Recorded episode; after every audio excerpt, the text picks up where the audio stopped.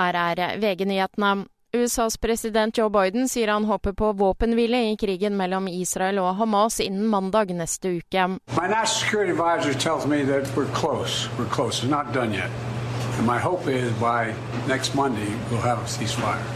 Og Biden håper dette kan legge til rette for at de gjenværende gislene til Hamas blir frigjort. Det amerikanske forsvaret sier de har ødelagt raketter, droner og sjødroner i nye angrep mot Houthi-kontrollerte områder i Jemen. Den amerikanske forsvarskommandoen sier de vurderte våpnene som en umiddelbar trussel mot handelsskip og amerikanske marinefartøy i regionen.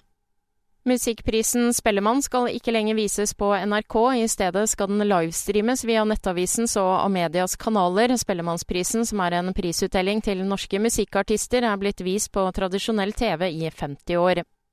Australsk politi etterforsker Taylor Swifts far for å ha angrepet en fotograf. Hendelsen skal i flere følge australske medier ha skjedd på en fergekai i Sydney sent i går kveld norsk tid. Swift og hennes crew skal ha vært på et cruise i Sydney havn. En talsperson for Swift sier fotografen hadde opptrådt aggressivt i forkant. Fotografen skal ikke ha blitt skadd. Reporter Thomas Alsaker. I studio Kristin Strand, nyhetene får du alltid på VG.